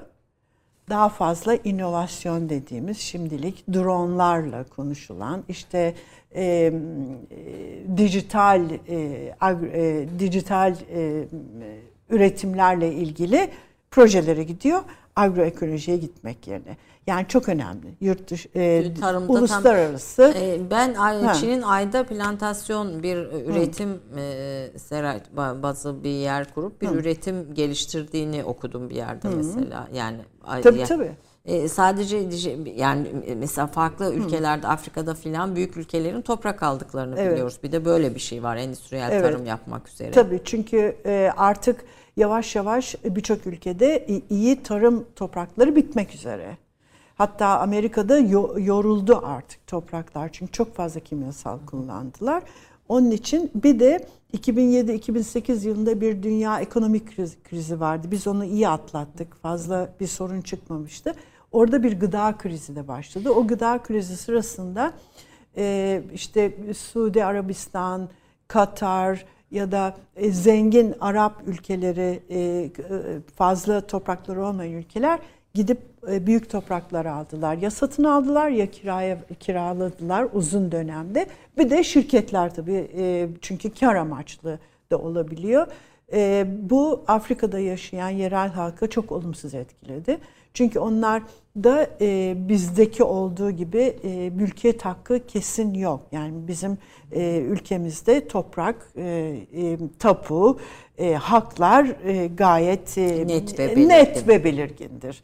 E, hatta bazen derler ki işte tarım toprakları bölünüyor. Hı hı. E, çünkü işte miras işte Fayli, o beş fazla. kardeş işte erkek çocuklar tarımı yapıyor. Erkeklere verelim, kızlara hı hı. vermeyelim gibi bir takım şeyler fikirler de çıkmıştı hatırlıyorum. Onlar tabii çok yanlış. E, mutlaka bu eşitliği e, korumak gerekiyor. Biz Türkiye'de bunu yapıyoruz ama Afrika'da maalesef daha çok e, yerel e, yöneticiler, eski krallar filan şey liderleri bu toprakları büyük şirketlere, ülkelere, başka ülkelere. Aynen. Çünkü o diyor ki adam onlarla da konuşuyor. Niye yapıyorsun? Ben sorumluyum diyor. Ben bu bu insanlarımı geçindireceğim diyor. Burada diyor işte 200 tane hane var diyor. Ben bu 200 haneyi ufak ufak vermek yerine diyor büyük şirkete veririm diyor. Onlar bana bu parayı verecekler. Ben de onlara dağıtacağım diyor. İlk başta çok kolay. 5 yıl, 10 yıl böyle gidiyor ama ondan sonra e, bunlar e, toprağın artık şeyi kalmıyor, canı kalmıyor. Gidiyorlar, bitiyor her şey. Onun için e, uzun dönemli yani bu sürdürülebilir dediğimiz politikalar var ya herkesin şu anda konuştuğu ama kimsenin yapmadığı. E, onun gibi bir şey. E, sürdürülebilir olması gerekiyor. Dünyada yani. en çok sera gazı üreten ülkeler Amerika ve Çin galiba. Evet. Çin şimdi birinci oldu. Önce Amerika'ydı, Çin ikinciydi. 2017'den itibaren Çin birinci. Ee, bir üçüncüsünde e, fazla gıda atıklarının evet, olduğunu gıda söylüyorsunuz. Atıkları. Bu da enteresan bir, Çok. bir şey. Yani e, çöpe atılan gıdalar sera gazı üreten evet. bir üçüncü faktör Tabii. haline gelmiş. Evet, özellikle metan üretiyorlar ve metan çok tehlikeli. Ee, o, o nedenle e, e, raporlara göre yani gıda atığı bir ülke olsaydı, bütün hepsini bir araya getiriyorlar, bütün ülkelerden. Hı hı üçüncü büyük ülke olurdu. O kadar, yani, o kadar, evet, çok o kadar. kadar. O kadar. Bunu yüzde kırkı gidiyormuş. Yüzde kırkı gidiyor. Evet. Bunu engellemenin bir yolu yok mu? Çok var. Tabii bir kere aşırı üretimden başlayacaksınız. Aşırı üretim yapmayacaksınız. İkincisi e, özellikle e, gelişmekte olan ülkelerde altyapı sorunları var. Altyapı sorunlarını halledeceksiniz. Mesela e, çiftçi topra topraktan elde ettiğini işte yolu olacak, köprüsü olacak, pazara ulaştırabilecek ya da depolama sistemi olacak. Soğuk hava depolamaları olacak. Soğuk soğuk hava e, ulaşımları söz konusu olacak. Yani altyapıyı mutlaka yapmak lazım. Bir, üretimi azaltmak lazım. İki, tüketiciye de e, büyük ciddi bir sorumluluk düşüyor burada yediğimizden fazlasını almayacağız. Ama süpermarketler öyle bir paketleme yapıyorlar ki siz ister istemez mecburen alıyorsunuz. Yani onun için devletin buradaki görevi hemen burada e, yönetmelikleri yapacak. İşte nasıl ambalajlanır ya da hiç ambalaj kullanmalı. Bizim eskiden ambalaj mı vardı? Tabii. Kese kağıtlarına. Şimdi bu ambalaj yüzünden dünya kadar hem atık oluşuyor. atık oluşuyor hem de gıda gidiyor e, şeye e, çöpe. E, bir de mesela büyük kurumlarda işte hastanelerde, okullarda işte otellerde mesela herkesin açık büfe olduğu yerlerde ciddi bir gıda atığı söz konusu. Bunları mutlaka önlemek mümkün ama ciddi bir iş bu. Bu gıda bankası sistemi Türkiye'de çok e, var bir takım girişimler Hı. ama çok fazla bir şey yapmadı evet. ama Amerika'da ve Avrupa'da gördüğüm evet. kadarıyla e, bir şey. Bu Covid döneminde onlar da etkilendi. Evet. Marketlerden e, çünkü onlar vade yani Hı. tüketim e, tarihi geçmeye yakın Hı-hı. olan evet. ürünleri topluyorlar evet. marketlerden. Onlar gelmez hale geldi ve bu da yoksulluğu artırıcı bir etki evet, oldu diyorsunuz. Evet, aynen. Bir de şöyle oldu. Yani bir rakam var mı? Gıda bankalarından Amerika'da kaç kişi yararlanıyor? Mutlaka vardır. Onu e, bilmiyorum. Hı-hı. Bakmam lazım. E, bir de şöyle bir sorun var orada. E, gıda bankalarında hep gönüllüler çalışırdı ve yaşlı kişiler çalıştı. Onların hepsi gelemediler. Hı-hı. Onun o için da e, bu da bir çok önemli bir konu. Yani toplumsal e, dayanışmanın olması söz konusu. Gıda Bankası'nı bir ekonomiye dönüştürmemek lazım. Mesela şöyle kurallar da var. İşte e, büyük şirketler e, ihra, şey ihracat fazlası ya da üretim fazlasını götürüp Gıda Bankası'na veriyorlar. O zaman ver, verince de vergiden düşüyorlar mesela. Vergiden düşmek için yüksek üretim bile yapan şirketler oluyor. Türkiye'den bahsetmiyorum. Ben yurt dışından bahsediyorum. O nedenle bu gıda bankalarının şirketlerle, süpermarketlerle olan ilişkilerini dikkatli e, bakmak aslında gerekir. Aslında bu gıda istismarı konusunda özel çok, şirketlerin ciddi. rolü çok büyük ve Müthiş. aslında burada devlete düşen daha çok fazla büyük denetim. görev var. Evet, evet. Daha, daha fazla, fazla denetim e, şeyleri e, yasaları biraz değiştirmek. Yani daha sıkı e, evet, daha sıkı, daha sıkı. Ha, hale evet, getirmek evet. gerekiyor. Yani teşvik etmemek gerekiyor bunları. Aslında mesela bu aşırı şey yapan, obezite yapan ürünlerin e, tüketimin e, üretiminde hiçbir şekilde devletin bunlara yardım teşvik etmemesi gerekir. Bu Türkiye'de de böyle e, başka ülkelerde Tabii de yasalar böyle. böyle ama uygulamada pratikte e, yeterli sonuç. Ama teşvik aslında devletin elinden hop verdiği, verdiği para. para. Evet. Onun için onları kontrol edebilirler aldığı vergiyi kontrol edebilirler. İnsanların vergi, tabii vergi almayı kontrol etmek çok zor olabilir. Devletler açısından. Evet. Fakat dünyada e, yani sürdürülebilir tarım endüstriyel ölçeklerde olmaz Hı. diyorsunuz. Bunun balıkçılığa da hatta vuruyorsunuz. Evet. Yani balıkçılık da etkilenecek. Evet. Çünkü Çok denizler büyük. küresel iklim Endüstriyel değişikliği. balıkçılık. En, evet. Ve bu denizleri de yok ediyor. Evet. Denizlerdeki evet. balıkları da yok ediyor. 13 ee, milyarı doyuracak gıda üretiliyor ama 1 milyar aç var. Evet. Yani aslında çok fazla gıda üretimi var bir evet. taraftan da. Evet. 1 milyar aç var.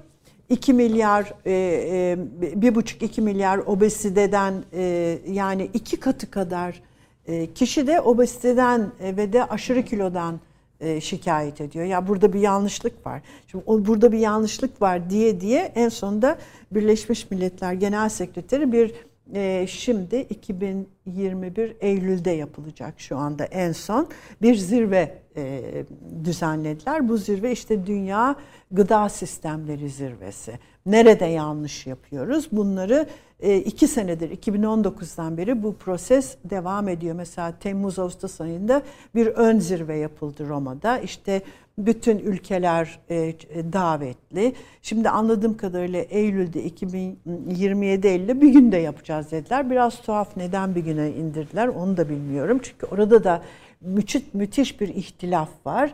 Yani işte, kapitalizm aslında aynen. tüm bu çalışmaları bloke etmek için elinden geleni yapıyor. Aynen. Şimdi, ya da bu çalışmalara sahip olmak için, hı hı. kontrol etmek için, yönlendirmek için. Ee, bunun yanında işte küçük çiftçiler var, işte e, e, indigenous dediğimiz e, yerel insanlar, e, onların hakları e, ileri sürülmüyor diye bir ihtilaf şu anda devam ediyor. E, bütün ülkelerin dediler ki tamam o zaman biz bir gün yapacağız bu zirveyi. Her e, devlet başkanı ya da ülkenin temsilcisi 3 dakikada ne yaptığını anlayıp bu 3 dakikada yapılan bir anlatımla aslında biraz Nasıl? jenerik gösteri olsun Aynen. diye yapılan işler. Maalesef. Evet, yani bu, öyle. bu bu konuda hiçbir zaman evet. Birleşmiş Milletler Beşlisi bu konuyu sahiplenmiyor diyebilir miyiz? Sahipleniyor da farklı açıdan. Kendi istedikleri biçimde. Çok güzel sahipleniyorlar. Hı hı. Ee, aslında bunun arkasında onlar var. Ama e, kendi istedikleri biçimde, kendi politikalarına, kendi e, ekonomi politikalarına, kendi şirketlerine uygun olacak biçimde çünkü yardım endüstriyel tarımın dünyada evet. tohum üretimi, evet. üretimi dair sahibi o aynen. şirket. O kimyasallar filan bütün bunlar falan. ve çok ciddi bir sektör. Yani hiçbir zaman bitecek bir sektör değil. Evet. Aynı zamanda da iklime çok etkili ediyor. Etki ediyor. Ve şöyle de bir şey var. Eğer iyi tarım yaparsanız mesela e, doğal e, nature positive denilen doğal pozitif tarım onu getiriyorlar şimdi. O aslında iklim değişikliğini azaltan da, karbondioksiti azaltan mesela topraklarda karbondioksiti depolama sistemleri filan geliştiriyorlar. Onlar da olabilir. Yani bir takım iyi şeyler de yapılabilir. Ama maliyeti ha. daha yüksek tabii, tabii. diye belki Aynen. tercih edilir mi? Yol Aynen. ayrımı tabii. tam burada Aynen başlıyor öyle. Şimdi o, o teknik onlarda var ama acaba Mali'deki bu köye gelecek, gelecek mi? mi? Tabii. Gelmeyecek. Bir eşitsizlik evet. bir. Gıda evet. güvencesi evet. konusunda dünyada. Bunun evet. altını çok sık çiziyorsunuz evet. büyük bir e, bir de aşı milliyetçiliğinden söz ediyorsunuz. Hmm. Ona da bir kısaca değinin isterim hocam. E, savaştan kaçanları uluslararası hukuk koruyor ama iklim göçmenlerini evet. uluslararası hukuk korumuyor diyorsunuz. Bu çok önemli çünkü özellikle Afrika'dan göçte evet. bir e, önemli evet. bir etmen. E, Türkiye doğru üretim teknikleri iklim krizine yanıt verebilir ee, evet. ve Türkiye iyi halde hı hı. hani bu noktada evet. e, yani pratiklerinde bazı sorunlar olsa da hani evet, buna aynen. yanıt verebilir, Tabii, çözüm verebilir, üretebilir e, diyorsunuz. Bu başlıkları da bir son değerlendirme hı. olarak dinlemek isterim. Bir de İsrail tarımını hı. hep böyle ki dünyaya e, tarım ürünleri satan büyük şirketlerin başında geliyor İsrail şirketleri. İşte bir mucize gibi dinliyoruz işte çölden verimli toprak sahası elde hı etmek işte e, filan. E, bunun e, yapılabilirliği var mı? Yani bu diğer Afrika ülkelerinde de böyle şeyler yapılabilir mi? Deniz suyunun dan temiz su elde etmek mümkün olur mu? Bu konudaki görüşlerinizi dinlemek Vallahi isterim. Valla deniz suyundan e, tarım e, suyu elde etmek mümkün ama çok pahalı. Acaba paranız var mı? İsrail bu parayı nereden buluyor? İsrail'in bütçesine bakarsanız bunu yapabilecek durumda değil. Ama Amerika Birleşik Devletleri'nden ya da başka yerlerden gelen büyük yardımlar sayesinde o e, pahalı suyu kullanma hakkını elde ediyor. Hatta bazı e, ciddi raporlara göre de e, Filistinlerin e, e, Batı Şeria'nın altındaki bu çok e, önemli yeraltı sularının yavaş yavaş İsrail tarafından kullanıldığını görüyoruz. Yani bu durumda e, İsrail evet çok teknolojik olarak son derece ileride.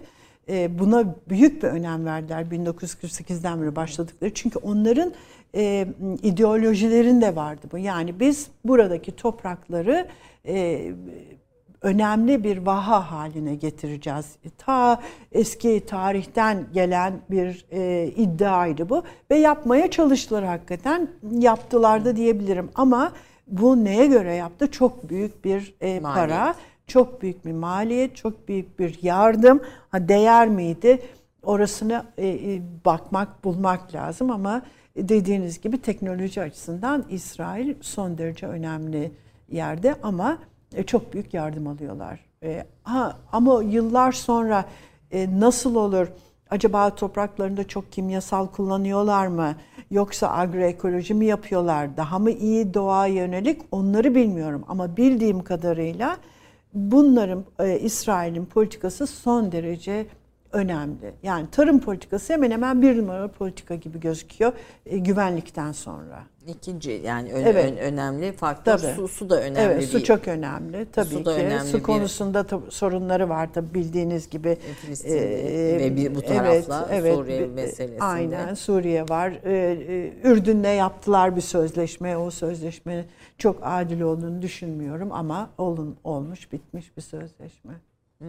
E, aşı milliyetçiliği dediğiniz şey nedir hocam? Aşı milliyetçiliği şöyle. Ya da aşı, de... aşı ayrımcılığı apartheid. Zaten şimdi ayrımcılık şimdi çok moda oldu bildiğiniz gibi. Evet. Her şeyi kullanıyor, her şeyi kullanıyoruz. Ee, şimdi bakarsanız hepinizin de bildiği gibi e, şu anda Afrika'da e, aşılanan kişi sayısı yüzde üç. Düşünebiliyor musunuz böyle bir şey? Yani e, Asya'daki rakamı bilmiyorum ama Afrika'daki rakam yüzde üç. Şimdi ülkeler önce kendi kendileri için e, aşıyı kullandılar. İşte BioNTech, e, Almanya, Amerika Birleşik Devletleri, İngiltere, işte Rusya buldu. E, Çin buldu, Hindistan buldu. İşte bizler de parası olan ülkelerde bulmadıysa da onlardan satın aldılar. Mesela Türkiye müthiş bir e, e, politika yürüttü.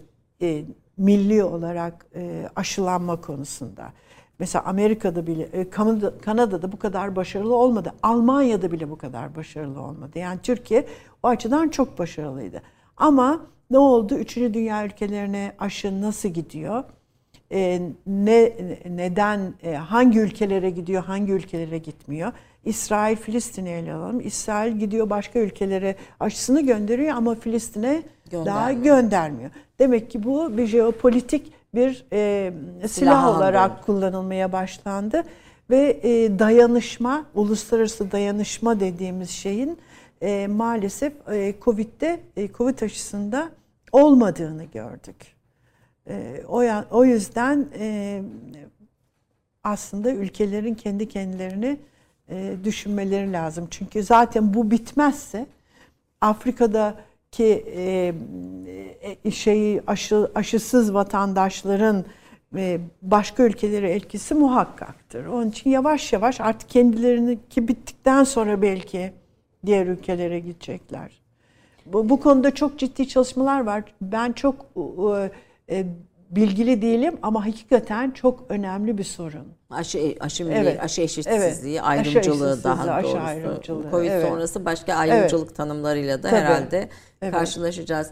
Ee, savaştan kaçanları koruyan uluslararası hukuk kuralları var. Yani Tabii Avrupa var. mesela. Sığınmacılar. Sığınmacılar, evet. Avrupa Politik hukuku. sığınmacılar. Mesela. Evet. Ama iklim göçmenlerini koruyacak hiçbir hukuk yok diyorsunuz. Evet, maalesef. Yani ben de çok mültecilerle ilgilendim ve çok Hı. onların rotalarında bulundum. Gerçekten iklim göçmenleri dediğimiz Afrikalı işte hı hı. veya bu e, ülkelerden gelen göçmenler e, daha vahim durumda. Çünkü Tabii, sığınma çok, statüsü çok. alamıyorlar, sığınmacı statüsü alamıyorlar. E, buna dair bir uluslararası hukuk çalışması var mı? Buna dair uluslararası hukuk çalışması var ama e, sayı çok yüksek. Sayı çok yüksek olduğu için ülkeler biraz e, e, çok aktif ayak sürüyorlar. Evet, aynen. Ayak aynen. sürüyor. Çünkü iklim e, mültecisiyle ekonomik mülteciyi ayırmak son derece zor. Eğer o kapıda açıldığı takdirde o zaman e, bir sürü ülkenin mesela Türkiye'nin durumuna da bakarsanız Türkiye çok iyi durumda şu anda diğerlerine nazaran e, mültecilere çok iyi davranan bir ülke e, ama biraz daha fazla olursa bu iç problemleri getirir mi? O da önemli. O nedenle mesela Avrupa topluluğu e, son derece şey bu konuda e, e, pek iyi durumda değil. Kendilerini çok iyi korumak istiyorlar mültecilere karşı. En büyük sorun dışarıdan mültecinin gelmesi. İşte bazı ülkelerde o mesela İsveç, Norveç biraz daha iyi durumda. İşte Almanya biraz daha iyi durumda ama onlar da seçici bakıyorlar kime alalım kime almayalım Aslında, öyle her geleni almıyorlar e, biliyorsunuz. İnsan haklarıyla uğraşıyorsunuz. Tabii. Dünya programımızın sonuna geldik. Dünyanın geldiği bu tabloda bir taraftan gıdaya erişimde eşitsizlik, diğer konular öyle. E, dünyanın halini nasıl görüyorsunuz hocam? Yani ge, ge, ne, ne söylemek istersiniz? Vallahi çok umutsuzca bir şey söylemek istemem gerçekten. Çünkü insan e, ilginç bir, biz ilginç bir e, cinsiz diyeyim. E, son dakikada bazen e, çok iyi şeyler yapabiliriz. Onun için e, belki bir noktada dayanışmanın ne kadar önemli olduğunu anlayabiliriz. Gelecek nesiller belki bu nesilden daha iyi olabilirler. Ama böyle kısa dönemli politikalarla bir yere gidilemeyeceğini anladık. Artık uzun dönemli yapacağız politikalarımızı. Ama uzun dönem politikalar da işe yaramıyor. Çünkü uzun dönem politikaların e, politikada esas politikada yeri yok. Çünkü biliyorsunuz her dört yılda bir hükümetler değişiyor. değişiyor evet. e, verdikleri kararlar ikinci e, seçimde çok önemli bir şekilde onların karşılarına geliyor. Mesela Almanya'daki seçimlerde Merkel'in durumuna bakarsanız mesela e, mültecilere iyi davrandığı için oy kaybetti. Yani böyle e, ufak tefek olaylardan dolayı milli politikacılar dikkatli davranıyorlar.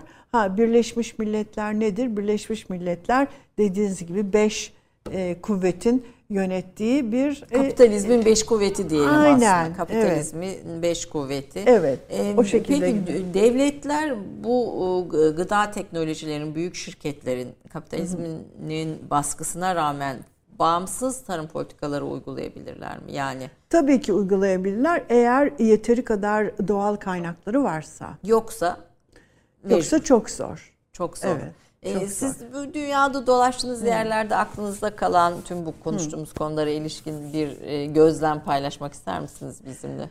Yani çok yere gittiniz. Evet, e, şunu paylaşmak isterim. Bütün ülkelerde İran'a da gittiniz bildiğim kadarıyla. Hayır, İran'a İran gidemedim. Gidemediniz. Aslında çok istediler gelmemi. İran'a gidemedim. Çünkü dönemim bitti. Bitmişti. O dönemde. Ee, Birçok ülkede karşılaştığım sorunlar aynı aslında. Sizin dediğiniz gibi kapitalizmin bize getirmiş olduğu bu dünya düzeni e, insanlar arasında müthiş bir eşitsizlik yaratıyor. Ve de bu eşitsizlik ve adaletsizliğin çözümlenmesi için çok ciddi bir etik de bahsediyoruz evet, ya. Gıda etik, etiği. Gıda, gıda etiği, demokrasisi tarım etiği, diyorsunuz. gıda demokrasi. Yani insanların e, söz hakları olmalı. Herkesin söz hakkı olmalı ve bu söz hakları da öyle öylesine hani abi size söz hakkı verdik deyip dönüp de istediğini yapmaca biçiminde değil. Genelde öyle oluyor bütün dünyada. Biz size söz hakkı veriyoruz diyorlar ama gidiyorlar dönüyorlar yaptıkları evet. e, regülasyonlarda hiç onlar e, dinlenmiyor. Onun için en önce bu eşitsizliğin ortadan kaldırılması lazım. Ciddi bir eşitsizlik var. Özellikle Covid'de dediniz ya işte yüzde sekiz yükseliyor. Ciddi bir yoksulluk, e, yoksulluk var. Ama e, bu Covid döneminde ilk 6 ayda Amerika'da trilyonerlerin sayısı yükseldi birdenbire. Ya nasıl oluyor böyle bir şey? Bu kadar eşitsiz bir dünyada biz e, adaletten, etikten nasıl bahsedebiliriz? Nasıl bir kapitalist düzendir ki bazı kişiler işte 2000, 3000 kişi bunlar trilyoner olurken işte milyarlar açlık. Yoksulluğa sürükleniyor. Evet. Demek ki bir yanlışlık yapıyoruz. Bir yanlışlık var. O, o yanlışı nasıl düzeltiriz? her zaman bir imkan vardır. Tabii, her mutlaka. zaman bir bir bir bir, bir, bir, bir dönüş olacak. Ha bir kriz olur belki, bir ciddi bir şey olur. O zaman hepimiz tekrar düşünürüz. Covid aslında belki yeniden evet. düşünmek üzerine e, bize bir fırsat evet. sundu bir, bir taraftan da. E, Türkiye'nin e, önünde bir kıtlık görmüyorsunuz. Evet. Bir açlık tehlikesi görmüyorsunuz. Güzel, güzel. Değil mi? Kesinlikle yok. gıda bir gıda evet. bu bu konuların ha, Ama yüksek gıda fiyatları tamam o zaman o sorunları çözmek lazım. Ama insanların e, kıtlığa doğru gitmesi için başka sebepler gerekiyor. O sebepler bizde yok. Ama suyu daha vahim bir sorun çok, olarak görüyorsunuz. Çok. Su ve tarım toprağı ikisi birden. Evet. Galiba bundan sonra biraz daha onlara evet. gözümüz gibi bakmanın yolunu bulacağız. Evet, daha az tüketerek her İnşallah. Az tüketmek en önemlisi daha az evet. tüketerek e, bunların değerini daha çok evet. bilerek bir e, Aynen. yol izleyeceğiz. Bir yol ayrımı olsun bizim için de değil evet, mi? Yani yani hepimiz konu. için. Zaten e, ülkeler, devletler bunları tek başına yapamazlar. Mümkün değil. Evet. Hepimiz bir arada yapacağız. E, peki. Çok teşekkür ediyorum. Bodrum'dan teşekkür geldiniz. Ederim. Kedileri bıraktınız. Kaç kedi var hocam? Şu anda üç tane. Sayıları, Hepsi evde doğdular. Sayıları artıyor, eksiliyor. Evet, artık artmasın. Bir de dışarıda olanlar var. Onları Dışarıda ne kadar var? Dışarıda da üç tane var. Üç tane var. Baya evet. bir kedi e, grubu var beslediğiniz. Kedi, evet, evet. Komşular pek hoşlanmıyorlar ama. hocam buraya gelirken önce kedilerim ne olacak dedi. O yüzden biraz zor ikna ettik programa. Ama hemen gelip dönecek ve kedilere göre e, onun programını organize ettik. Hocam çok çok teşekkür ediyorum. Çalışmalarınızda başarılar ediyorum. diliyorum. Sağ Ben de size başarılar e, diliyorum. Dünyadaki bu eşitsizliği gidermek için bir Hepimiz nokta bile olsa hepimizin mutlaka katkısı olacağına inanıyorum. Efendim haftaya Türk kahvesinde bir başka konukta görüşmek üzere. Hoşçakalın.